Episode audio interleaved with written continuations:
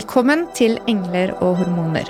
Inspirasjon og ny kunnskap om helse, selvutvikling og livsstil.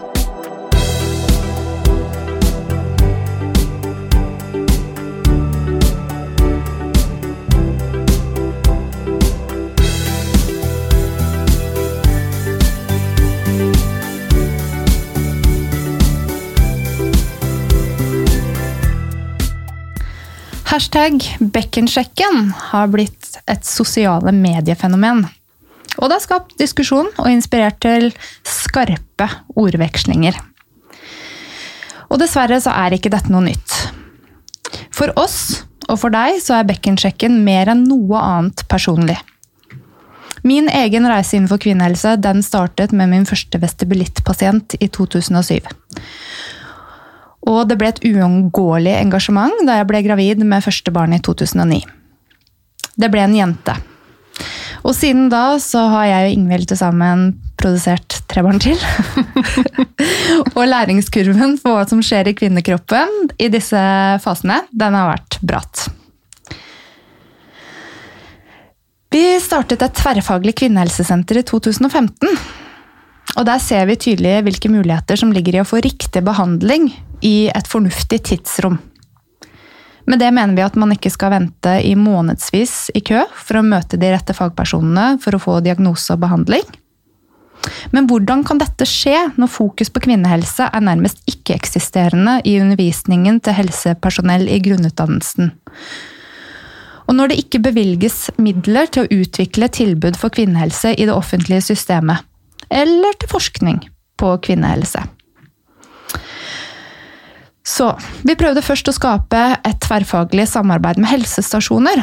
Holde foredrag for å dele kunnskap, men det gikk ikke så bra. Mange mente at det var å skremme kvinner hvis vi skulle legge frem dokumentasjonen på hva som var skjedd i kroppen i et svangerskap og etter fødsel. Det mener jeg er å undervurdere kvinner og deres ønske om å vite hva som er anbefalt for deres kropp etter den fantastiske prosessen det er å bære frem et barn. Til sammenligning. Blir du skremt av å vite at det er anbefalt å ta celleprøve for å forebygge og behandle utvikling av kreft? Eller vil du vite det og ha muligheten til å ta ditt eget valg om din helse ut ifra best tilgjengelig kunnskap? Kanskje bekkenbunnen ikke har fått den samme statusen fordi det handler om å forebygge og behandle. Fordi det å behandle de tre store plagene som oppstår hos en tredjedel av kvinner etter fødsel, som er lekkasje, smerte og nedfall Og dette rammer statistisk nærmere 20 000 kvinner i året i Norge. Det vil kreve ressurser og en endring av vaner og klinisk praksis.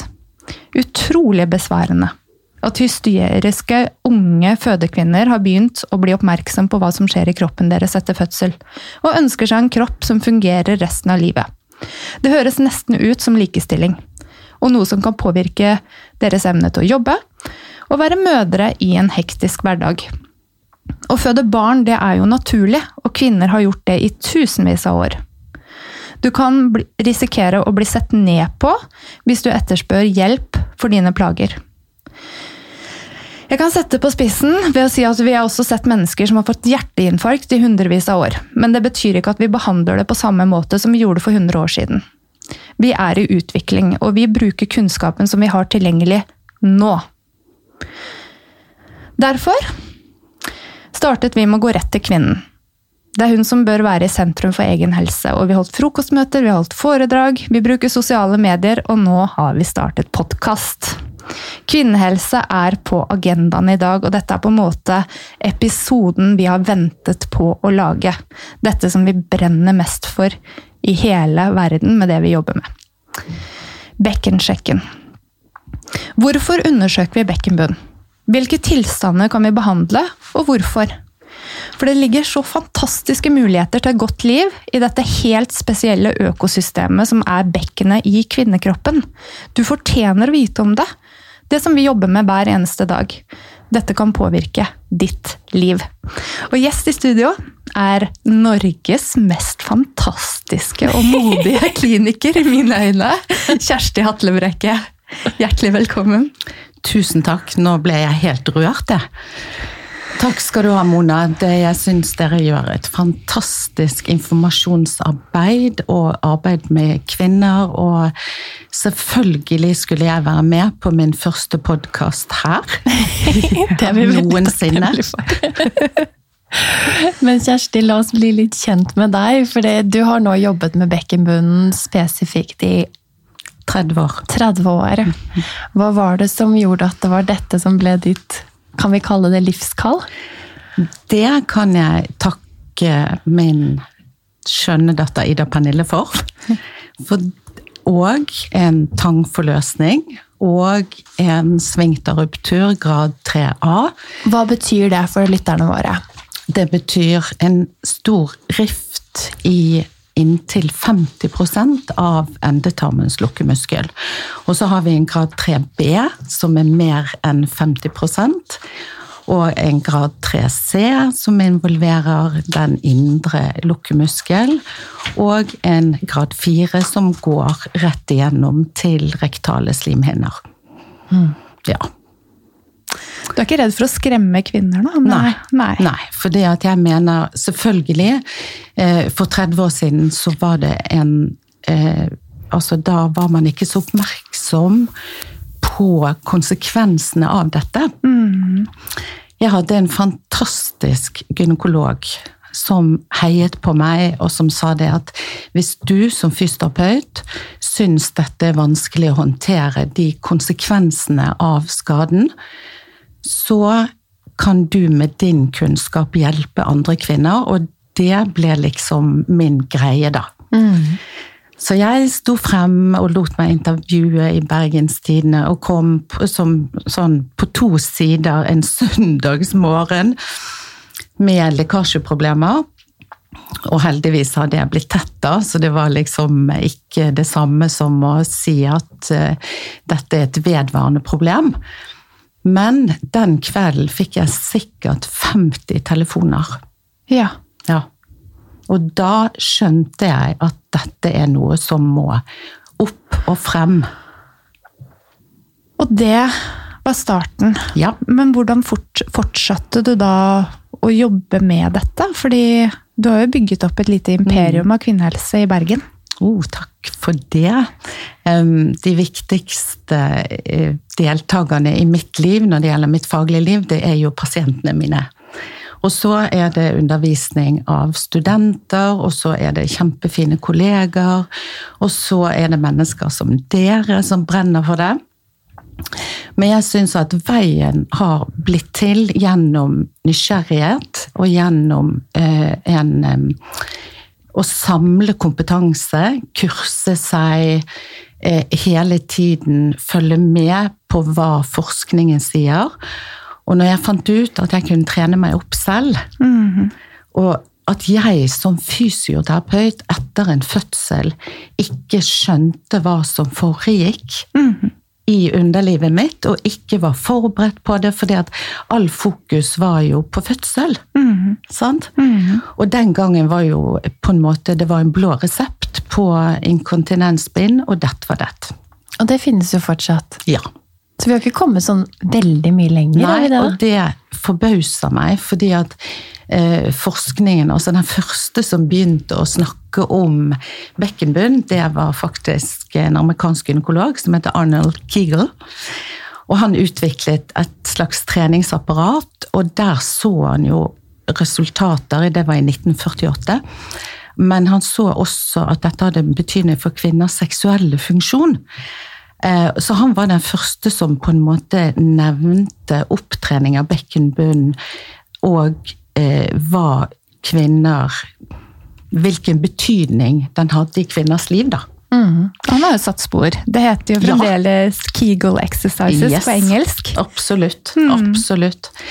Um, men da jeg skjønte at det var beinhard trening som skulle til, så eh, rett og slett styrketrening av bekkenbunn, bevisstgjøring av bekkenbunn, bruk av eh, bekkenbunn, da begynte liksom ballen å rulle. Så eh, med støtte fra denne fantastiske gynekologen min, som heiet meg frem. Og alle må ha en sånn. Alle, alle trenger en sånn mentor eller et, en liten sånn fanklubb. Um, når det gjelder tema som er tabubelagt. Mm. Men da begynte det. Og så har jeg kurset meg herfra til evigheten. Og så har jeg blitt spesialist, og så har jeg blitt sexolog. Og på en måte veien har blitt til ja. underveis. For jeg har altså bakgrunn fra fysioskolen først. og jeg reflekterer over at vi brukte mye tid på rehabilitering av type kneproteser og hofteproteser, og veldig lite på hva som skjer med kvinnen etter mm. fødsel. Og det er jo mm. veldig mange kvinner som føder barn. Ja, absolutt. Ja. Absolutt, og det er veldig mange kvinner som får disse plagene. Vi vet at en fjerdedel av norske kvinner får det, ca. 25-28% Vi vet at en tredjedel av amerikanske kvinner, faktisk, så mye som en tredjedel. Mm -hmm. um, og det betyr at på et eller annet tidspunkt i livet så vil kvinner møte enten eh, plager med urinlekkasje, fremfall, eh, smerter. Og dette blir det på en måte eh, for lite fokus på. Og en av mine ting er at jeg skulle ønske at dette hadde kommet inn i undervisningen på videregående. Mm. Faktisk. Gym. Ja, ja. for eksempel. Ja. Altså, vi har jo unge idrettsjenter som lekker uten å ha født barn. Vi har noe som heter giggle incontinence, som betyr at du lekker litt når du ler. Mm. Som ikke nødvendigvis eh, eh noen snakker noe særlig om. Mm. Og det kan være jenter på 13, 14, 15. Mm. Min yngste pasient har vært 12, og min eldste pasient har vært 89. Ja. Så det forteller noe om spennet i alder her. sant? Og vi skal selvfølgelig ikke glemme mennene heller, Nei. selv om ikke det er fokus i dag. Men vi har ikke glemt at Nei. det også er viktig. Ja. Eh, men La oss starte nå med bekkenet, og hva mhm. det er. Fordi jeg tror at bare det å vite hva bekkenet er, kan være en mhm. utfordring for mange. Mm. Så når vi mhm. da sier bekkensjekken, så er det kanskje ikke så mange som vet hvor vi skal. Kan du forklare oss litt om kroppen og bekkenet? Vi skal ned. Vi skal ned. vi skal ned til eh, bunnen. Vi skal ned til eh, muskler som styrer åpningene våre, som eh, styrer tissing, eh, skjedeåpning, endetarmsåpning. Ehm, og bekken er jo også kledd innvendig med muskler, og så har den utvendige muskler. Sant? Og det, de, alt dette er med på å stabilisere kroppen, men bunnen er kanskje den som på en måte får gjennomgå mest, da. Ja, i hvert fall i vaginal mm. fødsel, men mm. også i belastning gjennom mm. et svangerskap. Gjennom svangerskapet, absolutt. Mm. Altså, det er jo kanskje eh, trenden med keisersnitt er stigende, i hvert fall i USA og i Europa. I Norge så tror jeg den ligger på rundt mellom eh, ca. 10-12 Jeg er Ikke helt sikker på det, men jeg tror det. Um, og kanskje noen tror at det å ha et keisersnitt beskytter beskytter mot belastning på bekkenbunn og lekkasjeproblemer. Det gjør det ikke. Nei. Nei. Vi går tross alt ni måneder og bærer ja. fram et barn. Helt riktig. Ganske mye ekstra vekt. Ja. Mm. ja. ja.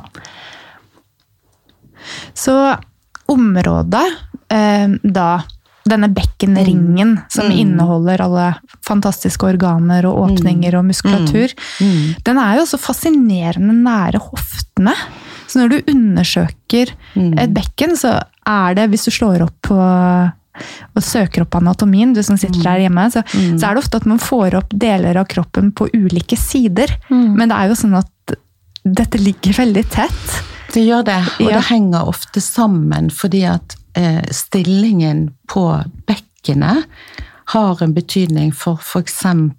hofte eh, hof, hoftebøyene. Og, for, og det vi kanskje ikke fokuserer så veldig mye på, det er jo f.eks. betydningen av å ha sterke, eh, sterke rumpemuskler. Mhm. I forhold til holdning, i forhold til strekk i kroppen, i forhold til belastning vi skal ta. Sånn at holdning har ganske mye å si, og det er noe som jeg er opptatt av. eh, At ikke kvinner skal liksom synke sammen og være fremoverlent, da. Kapsle inn pusten. Mm, det òg. Fri pust, fritt bekken, kjenne at de kan bevege bekkenet sitt fritt, at de har eh, strekk i hoften, at de er sterke, at kroppen er sterk og fungerer godt. Tenker du at det også er gjerne i tråd med en type selvfølelse, og det å være liksom trygg i seg selv? Ja, til stede i egen kropp og være klar over hva som skjer. Altså, hvis jeg drar tilbake til tiden, eh, min egen tid, da, etter fødsel- og barselperioden, så hadde jeg Altså, jeg var helt uforberedt, og jeg tror mange er helt uforberedt. De tenker ikke på at der er en stor hormonell endring. De tenker ikke på at magemuskler kanskje er veldig strukket, og ikke bare kanskje, de er det.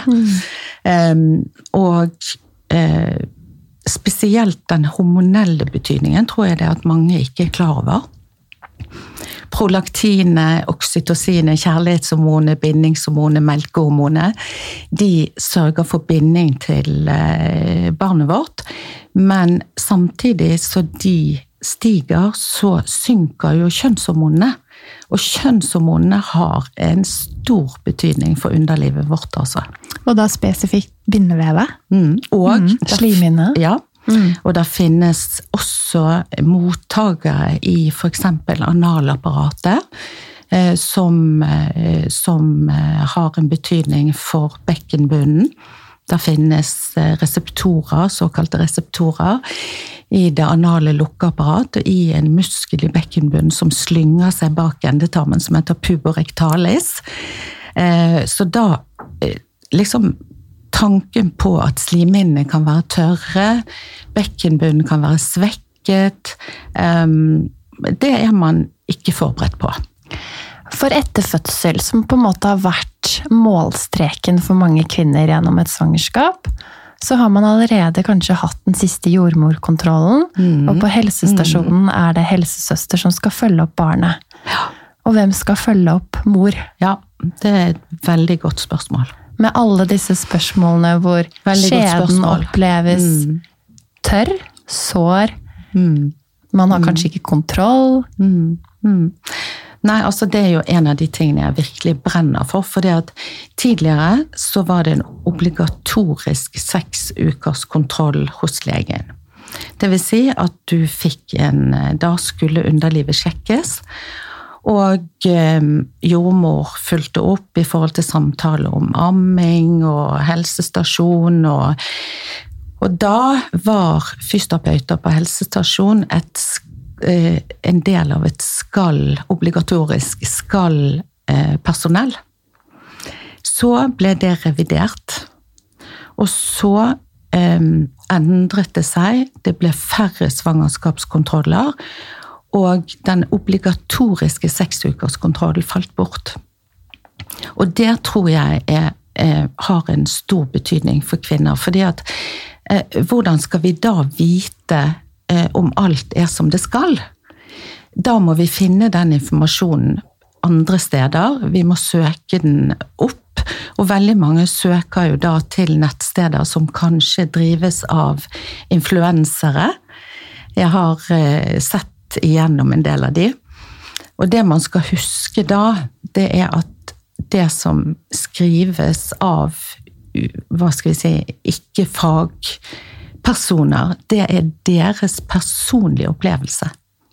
Sånn at de uttaler seg som eksperter på egen kropp, og noen er mer undersøkende enn andre, noen finner kilder, men de er eksperter på egen kropp, de er ikke eksperter på din kropp. Det tror jeg er kjempeviktig. Hvis du har eh, problemer med hevelse, med smerter, med sting, eh, med urinlekkasje, med eh, ja, underlivet. Du liksom føler at dette her er, det er noe helt nytt, det er noe fremmed. Og du føler at det ikke er sånn som det skal være. Da må du gå til oppsøke fagpersoner. Jeg kan forstå hvor vanskelig det er, fordi når det har skjedd så store endringer, Mm. så er man jo fremdeles sin egen person med erfaring i f.eks. å løpe da, eller gjøre en type fysisk aktivitet. Og så er man endelig født, og så har det vært kanskje noen uker med overveldende nye ting. Mm. Og det er så fristende å skulle velge å gå tilbake til noe du er kjent med fra før, når du skal tilbake til fysisk aktivitet. Absolutt. Og hva er å lytte til kroppen for å kjenne etter om det er ok? Fordi Ja. min erfaring fra klinikken er i hvert fall at noen kan si at det var akkurat når jeg gjorde den øvelsen, eller det var når jeg tok den løpeturen, det var da jeg kjente at dette var ikke ok. Og er det for sent da? Nei, det er aldri for sent. Nei, heldigvis ikke. Det er aldri for sent. Nei. Eh, og det er jo noe som på en måte jeg jobber med de som er kvinner som kommer til meg, som er supertrent. Eh, De er kanskje personlige trenere, de er veldig opptatt av fysisk aktivitet. eh, Og det er kjempefint, men de vil for mye for fort. Og så tenker de at eh, babyen er ute, kanskje de har ventet i disse seks ukene, men så lenge du er du, så lenge du fullammer, så kalles den perioden for det fjerde trimester. Og det betyr at det skjer endringer i kroppen hele veien. Eh, tilbake på en måte til en eh, normalisert kropp, men den er påvirket av hormoner. Den er påvirket av å ha blitt strukket.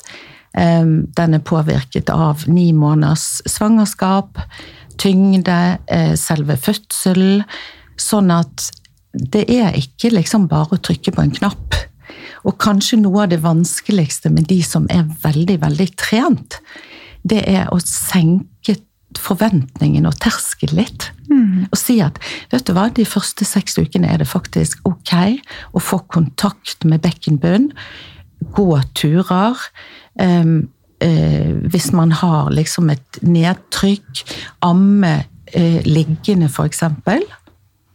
Eh, redusere belastningen på bekkenbunnen ved å legge seg litt ned midt på dagen med en pute under rumpen for å få bekkenet høyt. Vi har ikke snakket om årer, vener, nerver inni bekkenet. Der er store årer og vener som er utsatt for mye trykk i løpet av svangerskapet. Um, og der tenker jeg at det er noe vi på en måte um, kanskje skal se litt på at bekkenet må avlastes, bekkenbunnen må avlastes, spesielt i de månedene etter fødsel. Og her kan jo også kanskje bekkenbunnsøvelser, knipeøvelser kombinert med pusten være med på å sette i gang Absolutt. sirkulasjonen og lette litt på det trykket. Ja. Jeg tror alle kan kjenne litt igjen den der følelsen av å nesten se ut eller føle seg som en sånn aperumpe nedentil etter fødsel. Jeg syns det var en veldig god beskrivelse. Det var bare det jeg satt og tenkte på. ja, ja. Det satt du og tenkte på. Det, tenkte på. det, var, det var sånn Ja. det var. Og vet du, jeg er liksom født nysgjerrig, sånn at jeg så meg selv med speil to dager etterpå, tror jeg det var. Ja, da tenkte jeg hmm, hvordan skal dette gå? Ja, men, eh, men det som er også helt fantastisk med bekkenbunnen, vi må ikke glemme å nevne det, altså, det er at der er en eh, fantastisk evne til tilheling. Og det, liksom, når jeg har hørt på podkastene, så hører jeg liksom ting som kan gå galt, og ting som vi sliter med og sånn. Men det vi også kan fokusere på, det er faktisk den en, eh, enorme tilhelingsevnen som bekkenbunnen har av en fantastisk blodforsyning til bl.a. seksualorganene. Sant? Så det som ser kanskje hovent ut, det ser ømt ut, det har vært eh, sydd litt, kanskje man har hatt et klipp, kanskje man har hatt en rift. Eh, når det har gått noen måneder, så ser det helt fint ut. Mm. Jeg syns det er fascinerende Du nevnte idrettsutøvere tidligere. Mm. Og det er som du sier, eh, klipp og rifter og ja, delvis eller helavrivning av muskulatur er jo noe som skjer, eh, og tilheles. Men vi har ikke tradisjoner for å tenke på kvinnen etter fødsel som en person som har hatt en muskelskade. Nei. Men vi har jo protokoller og kunnskap om hvordan vi kan få disse musklene til å jobbe optimalt. Absolutt. Og med den boosten som hormonsystemet gir oss, og så har vi jo en gullalder av en periode å støtte kroppen i fjerde trimester. Ja, og der på en måte tenker jeg at der må vi sette inn støtet, vi må sette inn informasjon, vi må tenke at eh, det skal bli helt vanlig å oppsøke, oppsøke kompetansen for å få bekkenbunnen sjekket. Hashtag bekkensjekken.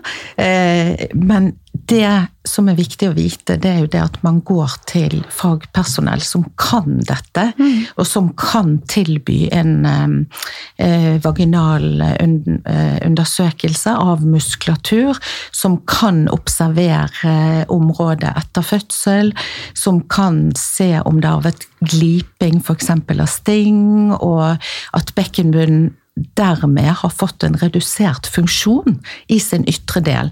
Fordi at eh, altså jordmødrene kaller det et eh, en liten rift, et lite klipp, men vi snakker faktisk om fødselsskader. Om, om muskelskader.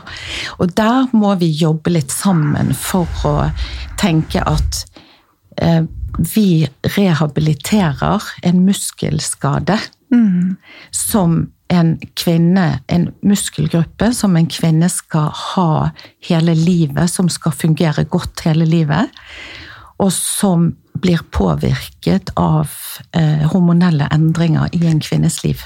Så hvis man ikke legger inn støtet eh, etter fødsel, Ja. så vil man kanskje om, Man lever ganske greit med det. Hva skjer da når man kommer til overgangsalder, f.eks.? Ja, nei, det kan jeg fortelle deg litt om. nei da, vi skal se på et, eh, hva forskningen sier.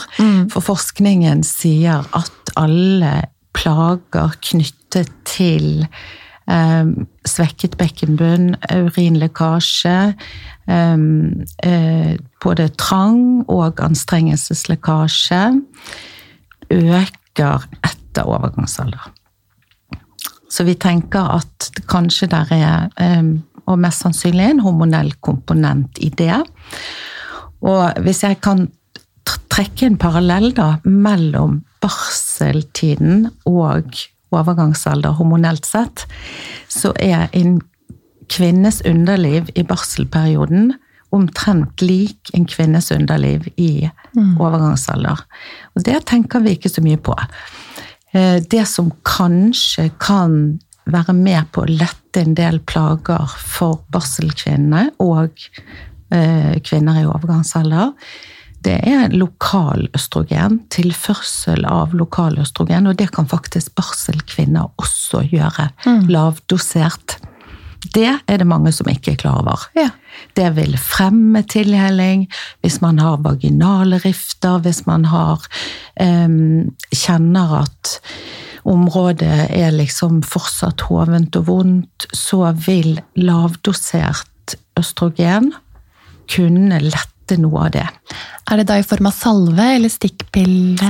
Eh, Begge deler Begge deler. finnes eh, eh, reseptfritt på apotek, men dette skal jo være i samråd. Eh, Kanskje man bør snakke med en lege, for hvis du har hatt et prematurt barn, eller et barn som har problemer med amming, så er det kanskje fint å få ammingen helt etablert. Men akkurat overgangsalder, der tror jeg det er mange som også er litt uforberedt tørrhet i skjeden, eh, kanskje hvis de ikke har hatt urinlekkasje før, så kan de oppleve å få eh, stressinkontinens eh, med en trang komponent. Smertefulle samleier. Vi har ikke snakket så mye om smerter i bekkenbunn. Vi kommer tilbake på lista, for jeg tenker det er veldig viktig å ha med. Og det å vite hva man kan gjøre selv, er jo også så viktig. Ja.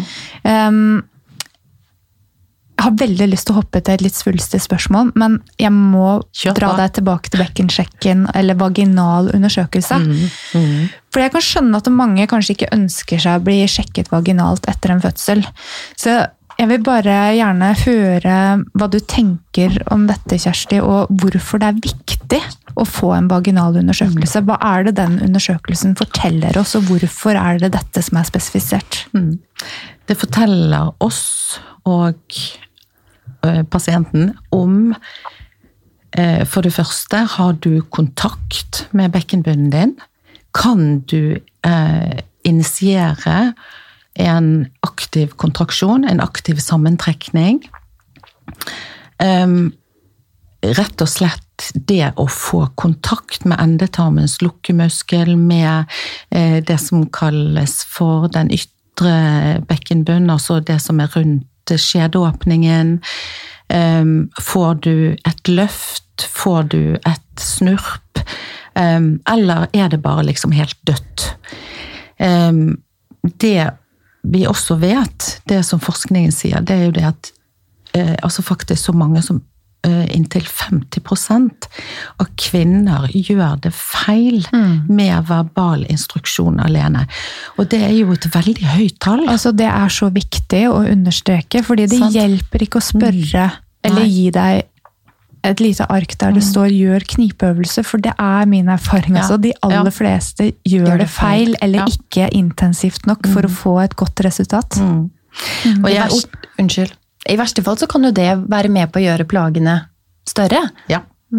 Og så kan eh, Noe av det de gjør feil, det er f.eks. at de trykker ned. Sant? Og det er bl.a. de med veldig sterke magemuskler som kobler på magemusklene med omtrent alt de gjør. Og tenker at det er eh, Og det er fint, men når det gjelder bekkenbunn, så er det ikke fint. Men der tenker jeg dette her er en sånn stor rød eh, lys og skilt alt på en gang. Fordi eh, min erfaring og tilbakemelding fra pasienter er at det er mange trenere og fysioterapeuter og osteopater, alle som jobber med kvinnehelse, som sier de tester bekkenmunn, og så holder de nederst på magen og ber de knipe. Og det, Det er jo da ikke en god test for bekkenbunn. Nei. Nei. Det er det nok ikke, og det er derfor den vaginale palpasjonsundersøkelsen er så viktig. Det er viktig å observere området mellom eh, skjede og endetarm, som på fagspråket heter perineum, eh, mellom kjøttet. Syns jeg høres ut som vi liksom skal grille noe, da, men litt sånn. Ja. Em, Og det er også et område som kvinnen selv kan observere. Eh, Når man bruker bekkenbunnen, så skal perineum kunne trekke seg litt inn.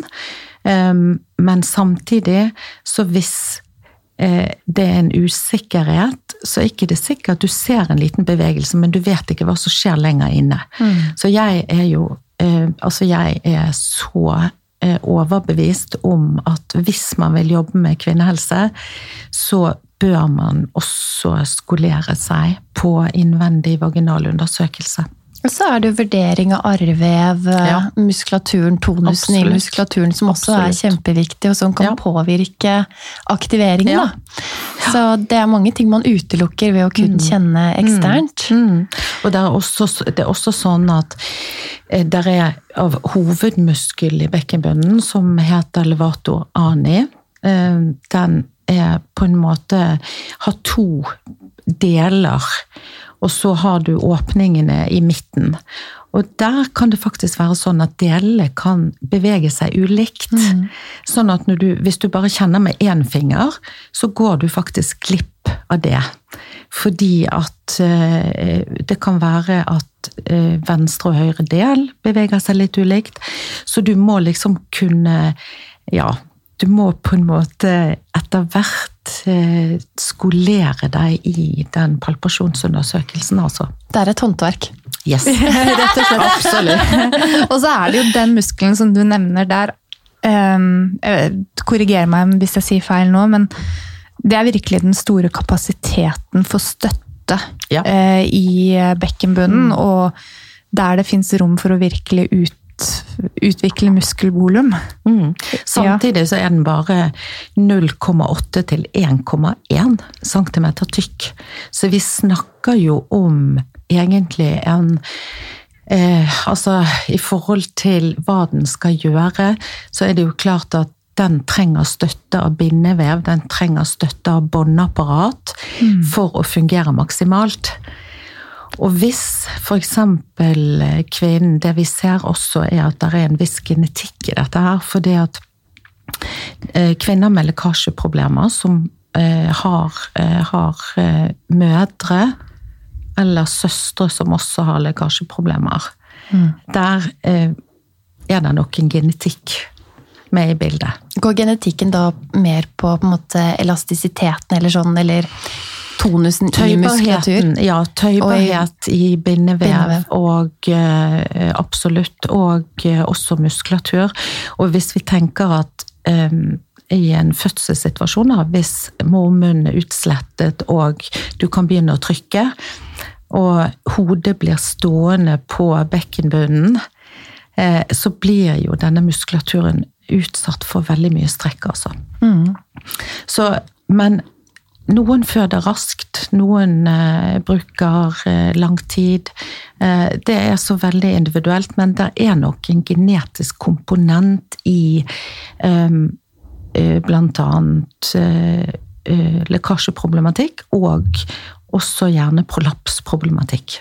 Og med prolaps så mener du, Kjersti? Da mener jeg nedfall av eh, bekkenorganer. Enten livmor, fremre skjedevegg, bakre skjedevegg. Ehm, ja, eh, de har forskjellige medisinske navn. Cystocele, det er fremre skjedevegg. Eh, og da er det blæren som, eh, som buker ned i skjeden.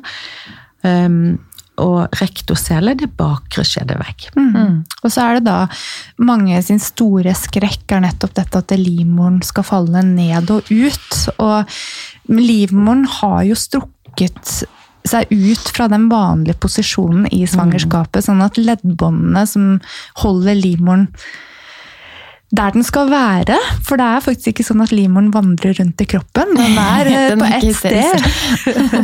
Eh, eh, Men allikevel så er det normalt med litt bevegelse i det området etter fødsel. Hva gjør Absolutt. det med risiko for mer eller mindre nedfall etter hvert som man kommer i gang med trening? Det jeg tenker er at, som jeg sier til kvinnene mine, at du skal begynne en trening, skal alltid begynne i bunn. Så den skal alltid begynne med å lukke bekkenbunnsmuskulaturen som et mottrykk. Og den må vi lære alle kvinner å gjøre. For at aktiviteten er en ting at du kan gjøre et knip statisk liggende på en benk hvor du ikke har noe vekt på bekkenbunnen, du har ikke noe belastning på den. Um, og da har den også lavest tonus, eller eh, spenningstilstand, da, i eh, liggende stilling. Så reiser du deg opp. Så eh, trener du high impact, eh, så bærer du babyen din eh, og løfter sikkert 20-30-40 ganger for dagen. Jeg tror ingen løfter så mye som småbarnsmødre, altså. Og utsetter bekkenbunnen for veldig mye trykk og press. Kanskje som du ikke er klar over at det utgjør eh, en risiko på lang sikt. Så er du pasient hos deg, så lærer du da disse kvinnene å lukke Yes. bunnen før de løfter. Ja. Ja. Og det er jo kjempesmart for å forebygge. Ja. Ja. Og det er en så enkel ting, men det må inn. Og eh, jeg, jeg jobber mye med kvinnene mine med altså kontakten mellom hode og bekkenbunn. Den kan være vanskelig innimellom. Innimellom Ja. så er den helt, Ja. helt eh, kortsluttet. Ja. Og det å få tak i og holde på bekkenbunn, det å skjønne når tid du skal koble den på.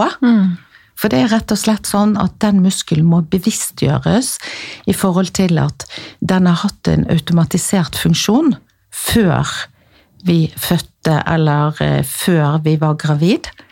Ja, at den kommer på automatisk. Ja. Sånn, vi behøver ikke å tenke på det. Nei. nei.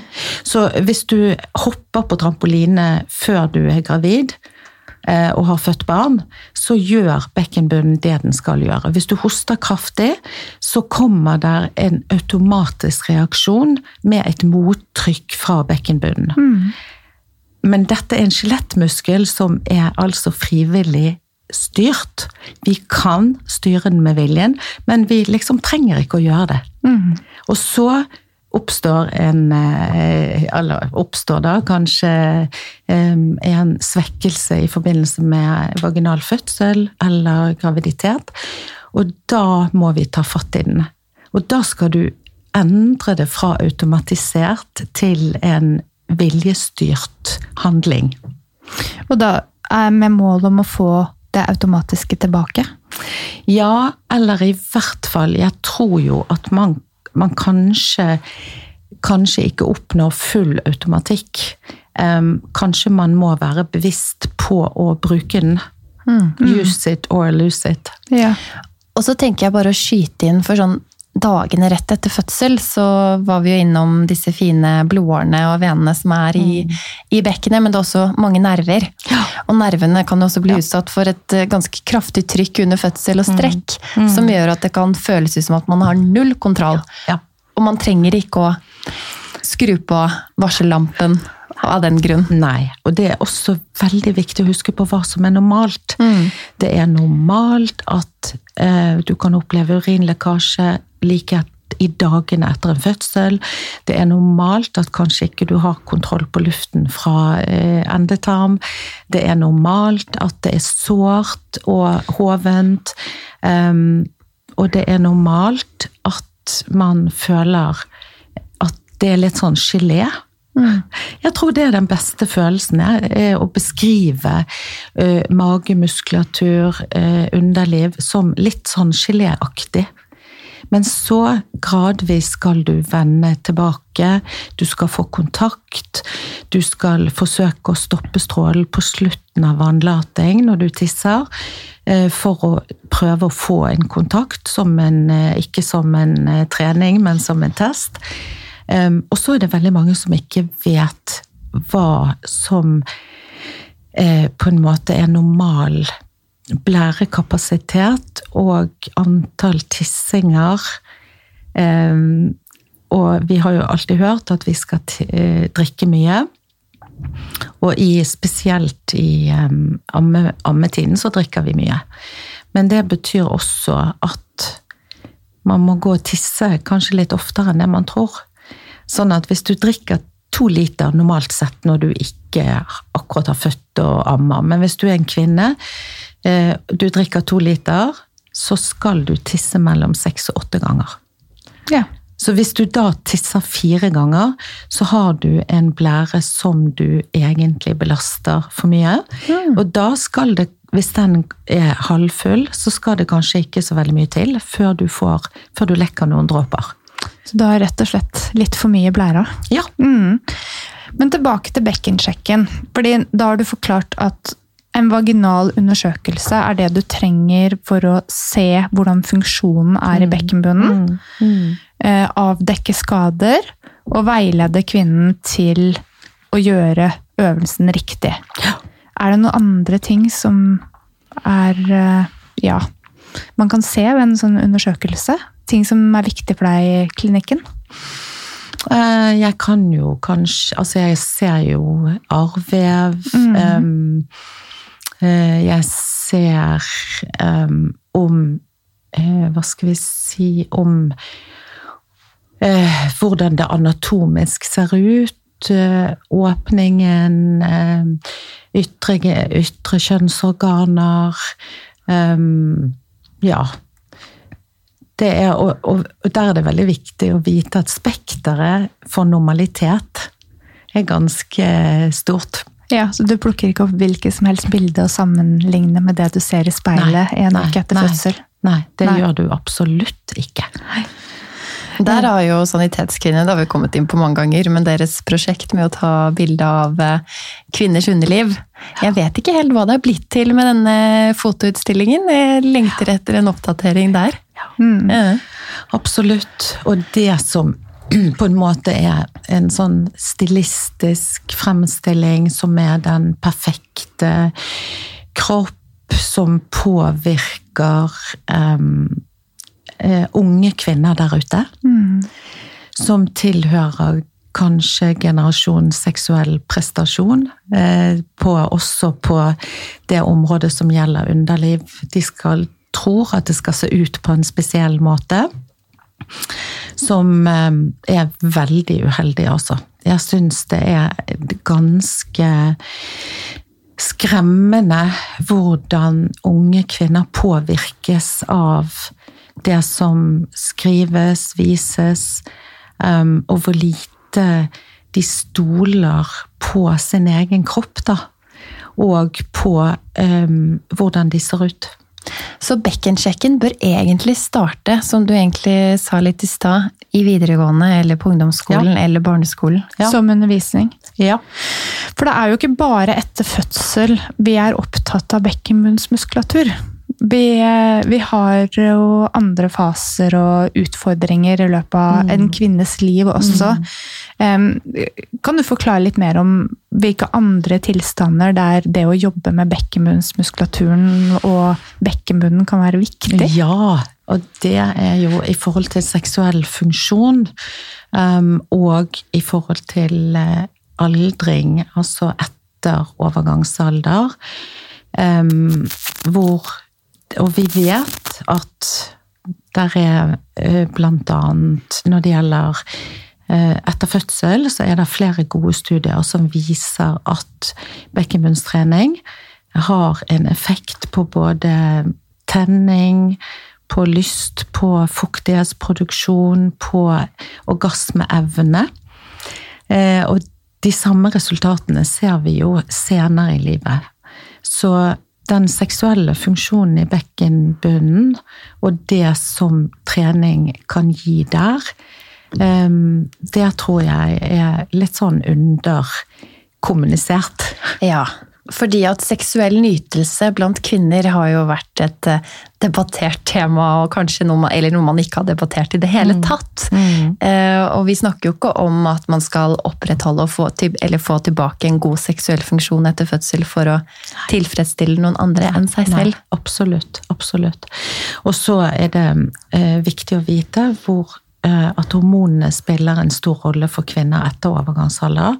Og jeg vet at det har vært mye motstand mot å mm, ta østrogen og eh, mye Altså avis, eh, avisartikler om eh, eh, at det kan gi øket eh, brystkreftfare, men det å ta lokal østrogen det har en mye mindre systemisk effekt og gjør veldig mye. Og det er så lite kjent at det faktisk kan gi kvinner både um, uh, Altså slimhinneproblematikken kan bli mye bedre, uh, og sammen med trening av bekkenbunn, å ta fatt i det og hvis man ikke har liksom vært der på noen år, det opplevde jeg selv at jeg måtte ta fatt i. Og da ble, da ble det bedre. Så jeg tenker det må vi også kommunisere ut.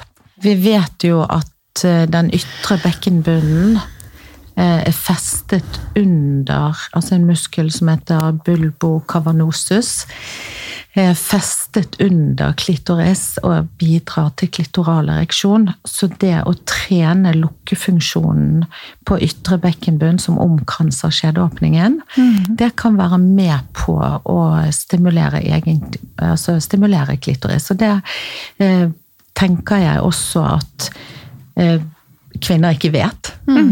Altså, det vet de ikke. Så her er veldig mye spennende med bekkenbunnen som, eh, eh, som vi må bare få ut. Ja, Og, og så er det jo tre organsystemer som samles i bekkenbunn, og, og Det kan være en utfordring å få til tverrfaglig samarbeid som tar hensyn til både mage-tarmfunksjon, det gynekologiske og det som skjer rundt blæret. Eh, og der er jo fysioterapeutene ja, mer i midten, opplever jeg. Er du enig i det, Kjersti? Ja. Du sitter og trekker litt Ja. i trådene. Ja, jeg er veldig enig. Og altså, i min ideelle uh, bekkenbunnsverden så um, hadde det vært tverrfaglig um, eh, arbeid med gynekolog, urolog, gastrolog, psykolog. Viktig. Og da har de fått Tror de har fått det ganske godt til, faktisk oppe i Tromsø. På um, eh, det som heter Nasjonal kompetansetjeneste for um, eh, bekkenbunn, bekkenbunnsykdommer, KIB. De har tverrfaglige vurderinger av sine pasienter, og der kan man henvise kvinner til en second opinion. Hvor de blir vurdert av et tverrfaglig team. Ja. Men kan jeg stille, eller kaste inn en liten brannfakkel? For kapasiteten på disse sentrene er jo sprengt, og Ja. det sier litt om etterspørselen. Så kan vi ikke strebe etter at alle kvinner i hele Norge, uansett hvor de bor, eller hva slags samfunnslag man hører til, for mye skjer jo også i det private, ikke Ja. sant? Ja. Og det er forferdelig at det skal være et klasseskille på de som har råd til å undersøke dette på en ordentlig måte, eh, og de som ikke får det tilbudet i det hele tatt. Nå sier du noe veldig, veldig viktig. Og eh, det er bare så utrolig synd, og der må vi eh, at dette bygges ned. Mm. Vulvaklinikken i Oslo, som skulle Som har servet hele landet, som nå er liksom eh, kun tar imot pasienter fra Oslo. Altså dette her må vi løfte opp på et eh, politisk nivå. Og da tenker jeg at eh, kvinnehelse har fantastisk støttespiller i eh, Norske Kvinners Sanitetsforening. Som gir midler til eh, forskning på kvinnehelse. Som eh, driver med lobbyaktivitet politisk. Som kan løfte dette frem. Vi må bruke fagforeningene våre. Vi må alliere oss med eh, gynekologer, urologer, gastrologer som er opptatt av dette. Og jeg ser at når jeg liksom eh, har sett på um, bekkensjekken, så ser jeg jo at der er eh, fagpersoner med tyngde som begynner å, eh, å være veldig opptatt av kvinnehelse og som bringer dette ut i offentligheten, i det offentlige rom. Um, Men vi må også løfte det opp. Det er jo en lang vei å gå.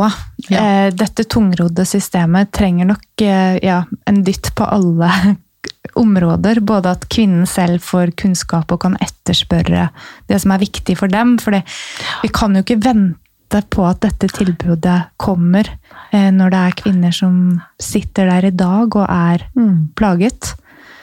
Um, Absolutt. Og det er så synd at det er en um, eh, At det er lommeboken som skal avgjøre om du da har, kan komme til sånne fantastiske fagpersoner som dere, eh, eller andre som jobber privat. Sant? Det er for gale, altså. Ja. Det er det, rett og slett. Og um, der føler jeg vi sitter jo litt i glasshus, da, fordi vi sitter her og prater om at vi syns dette er viktig. Men det er klart, vi, vi jobber jo på en privatklinikk. Eh, og så er det um, en liten flik av det som trengs for å ta imot alle de kvinnene som nå ligger kortere tid enn eh, noen gang på sykehusene og blir indusert mer enn noen gang før og har mer og mer instrumentelle fødsler. Eh, det er litt Texas der ute nå, føler jeg. Ja, altså det som er Jeg prøver å fokusere på det positive, og da tenker jeg en av de positive tingene er at riftprosenten i Norge har gått kraftig ned. Takk jordmødre som kan holde godt. Ja, Ja. og eh, takk også god teknikk ved suturering. Og jeg ser en stor forskjell fra for ti år tilbake. Um, så jeg ser bedre funksjon. Jeg ser et uh, bedre kosmetisk resultat, men først og fremst det funksjonelle. Um, så det, der har det skjedd uh, mye bra. Mm. Jeg husker jeg fikk lov til å være med å hospitere på Riksen, og da var jeg så heldig å få være vitne til tre fødsler. Hvor det var um, klipp, da. Uh, på en av de. Og jeg husker uh, det skremte meg litt. Og så ble jeg så svært lettet når jeg fikk se denne dyktige fødselslegen komme inn, og jeg sto rett bak hodet hennes og fikk se mens hun suturerte og sydde igjen. Og det var så fint. Ja. Det ble et godt og fint resultat. Ja. ja. Mm. Og så trenger vi da Vi trenger den seksukerskontrollen for å sjekke er det gliping av sting. Eh, har det grodd sånn som det skal? Mm. Um, tilhelningen tar ca. Ja, ti dager. Um, er det noe sant? Er det noe som, som, eh, som uh, ikke er det, er det en øket rødhet? Er det hevelse? Um, og hvem skal gjøre det? Godt spørsmål. Veldig godt spørsmål. Mm. Fordi observert i media i det siste at enkelte fastleger prøver å skyve det over på fysioterapeutene, men det finnes ingen fysioterapeuter der til å ta imot disse kvinnene. De er ikke på helsestasjonen med Nei. det formålet akkurat nå. Ja.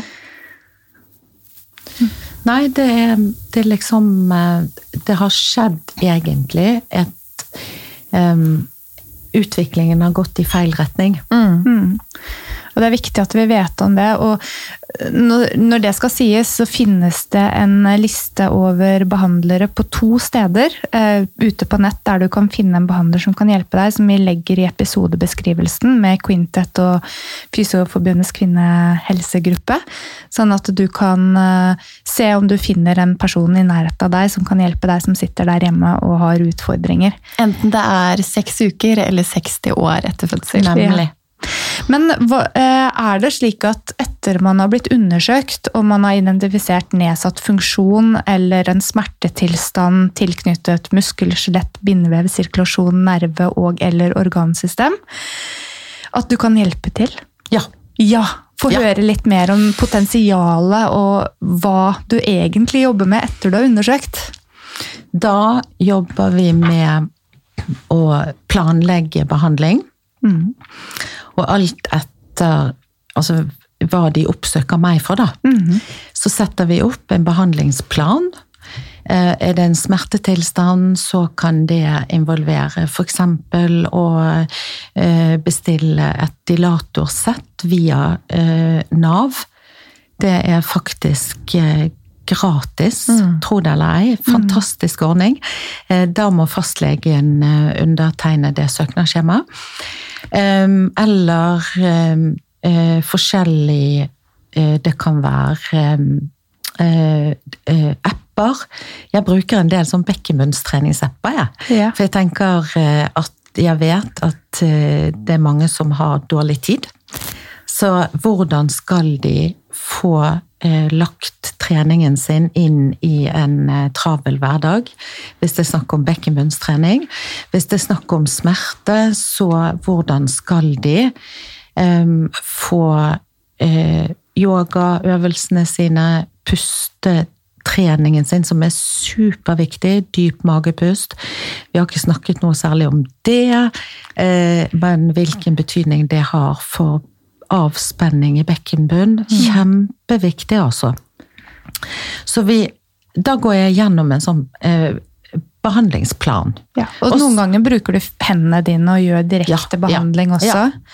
Det gjør jeg. Mm. Det, eh, det, hvis muskulaturen i bekkenet, innvendig i bekkenet, hvis jeg kjenner at den er spesielt stram, og da kan den klemme bl.a. på nerver mm. og gi um, noe som heter pudental nevralgi, eller lignende symptomer. Så smertene kan jo også komme fra stramme muskler som klemmer på nervene. Mm. Og det er vanskelig å trene bekkenbunnsøvelse med stramme muskler. Ja. De Nei. har ikke så mye å knipe på. Nei, og det skal vi ikke gjøre. Nei. Da skal vi tenke avspenning, da skal vi tenke pust, da skal vi tenke sirkulasjon. Um, ja, så da må vi liksom uh, komme inn fra en annen innfallsvinkel. Mm. Med så mange muligheter for behandling, så er det viktig å få en grundig undersøkelse. Absolutt. Og det er nettopp det bekkensjekken er og ment som. Absolutt. Mm. Oh, vi kunne ha sittet her i timevis, men Ja. da løper klokken. Ja. Og jeg er så takknemlig for at vi endelig har fått spilt inn denne episoden som ligger hjertene våre kanskje aller nærmest eh, Mona og Kjersti. Vi satt begge to med tårer eh, i øynene allerede under innledningen, og dette her vet jeg at det er til glede og til nytte for så mange kvinner der ute. Tusen hjertelig takk. Det håper jeg. Tusen takk for meg. Vi inviterer deg allerede nå tilbake ved neste anledning, sånn at vi kan fortsette å snakke om kvinnehelse. Fordi Ja. din erfaring og kunnskap det fortjener å komme ut til folket. Og kanskje noen tips om apper? Ja, Ja, så vi kan dele det i sosiale medier allerede denne uken. flott. Mhm. Det gjør jeg så gjerne. For de som eh, gjerne vil ta en liten prat med deg og oppsøke deg for å få hjelp, hvor kan vi finne deg, Kjersti? Da finner de meg på Jeg har et eget nettsted som heter bekkenbunnen.no. Bekkenbunnen er også på Facebook. Eh, de- Og Instagram. Og Insta, ja, men der er ikke liksom veldig aktiv, da. Mest aktiv med Bekkenbunn på Facebook. Så man kan sende meg en melding inne på nettstedet. Eh, Man kan også ta direkte kontakt på, med SMS på telefon, så ringer jeg tilbake. Eh, Jeg prøver å være tilgjengelig, men um, jeg har også en fritid. Ja. Og den setter jeg stor pris på. Ja, og det passer veldig fint da at i neste uke så kommer det en episode om selvledelse med mentaltrener Anniken Bind, så da kan du lytte til den og sette god, gode rammer rundt egen fritid, og så kan du som sitter der hjemme og har skapt deg sannheter, som Anniken sier, som ikke tjener deg i hverdagen. Altså hvis du sitter med en oppfatning nå av at eh, Jeg kan ikke knipe fordi jeg kommer aldri til å bli bra fordi jeg har vondt, og dette er et tog som har kjørt. Så bli med oss også i neste uke, slik at du kan få jobbe litt med den mentale styrken for å ta tak i alle disse tingene som Kjersti har delt i dag. Ha det bra. Tusen takk!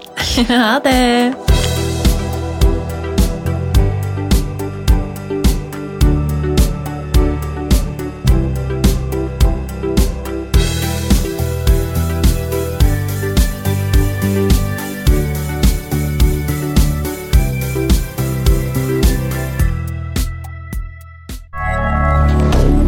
Moderne media.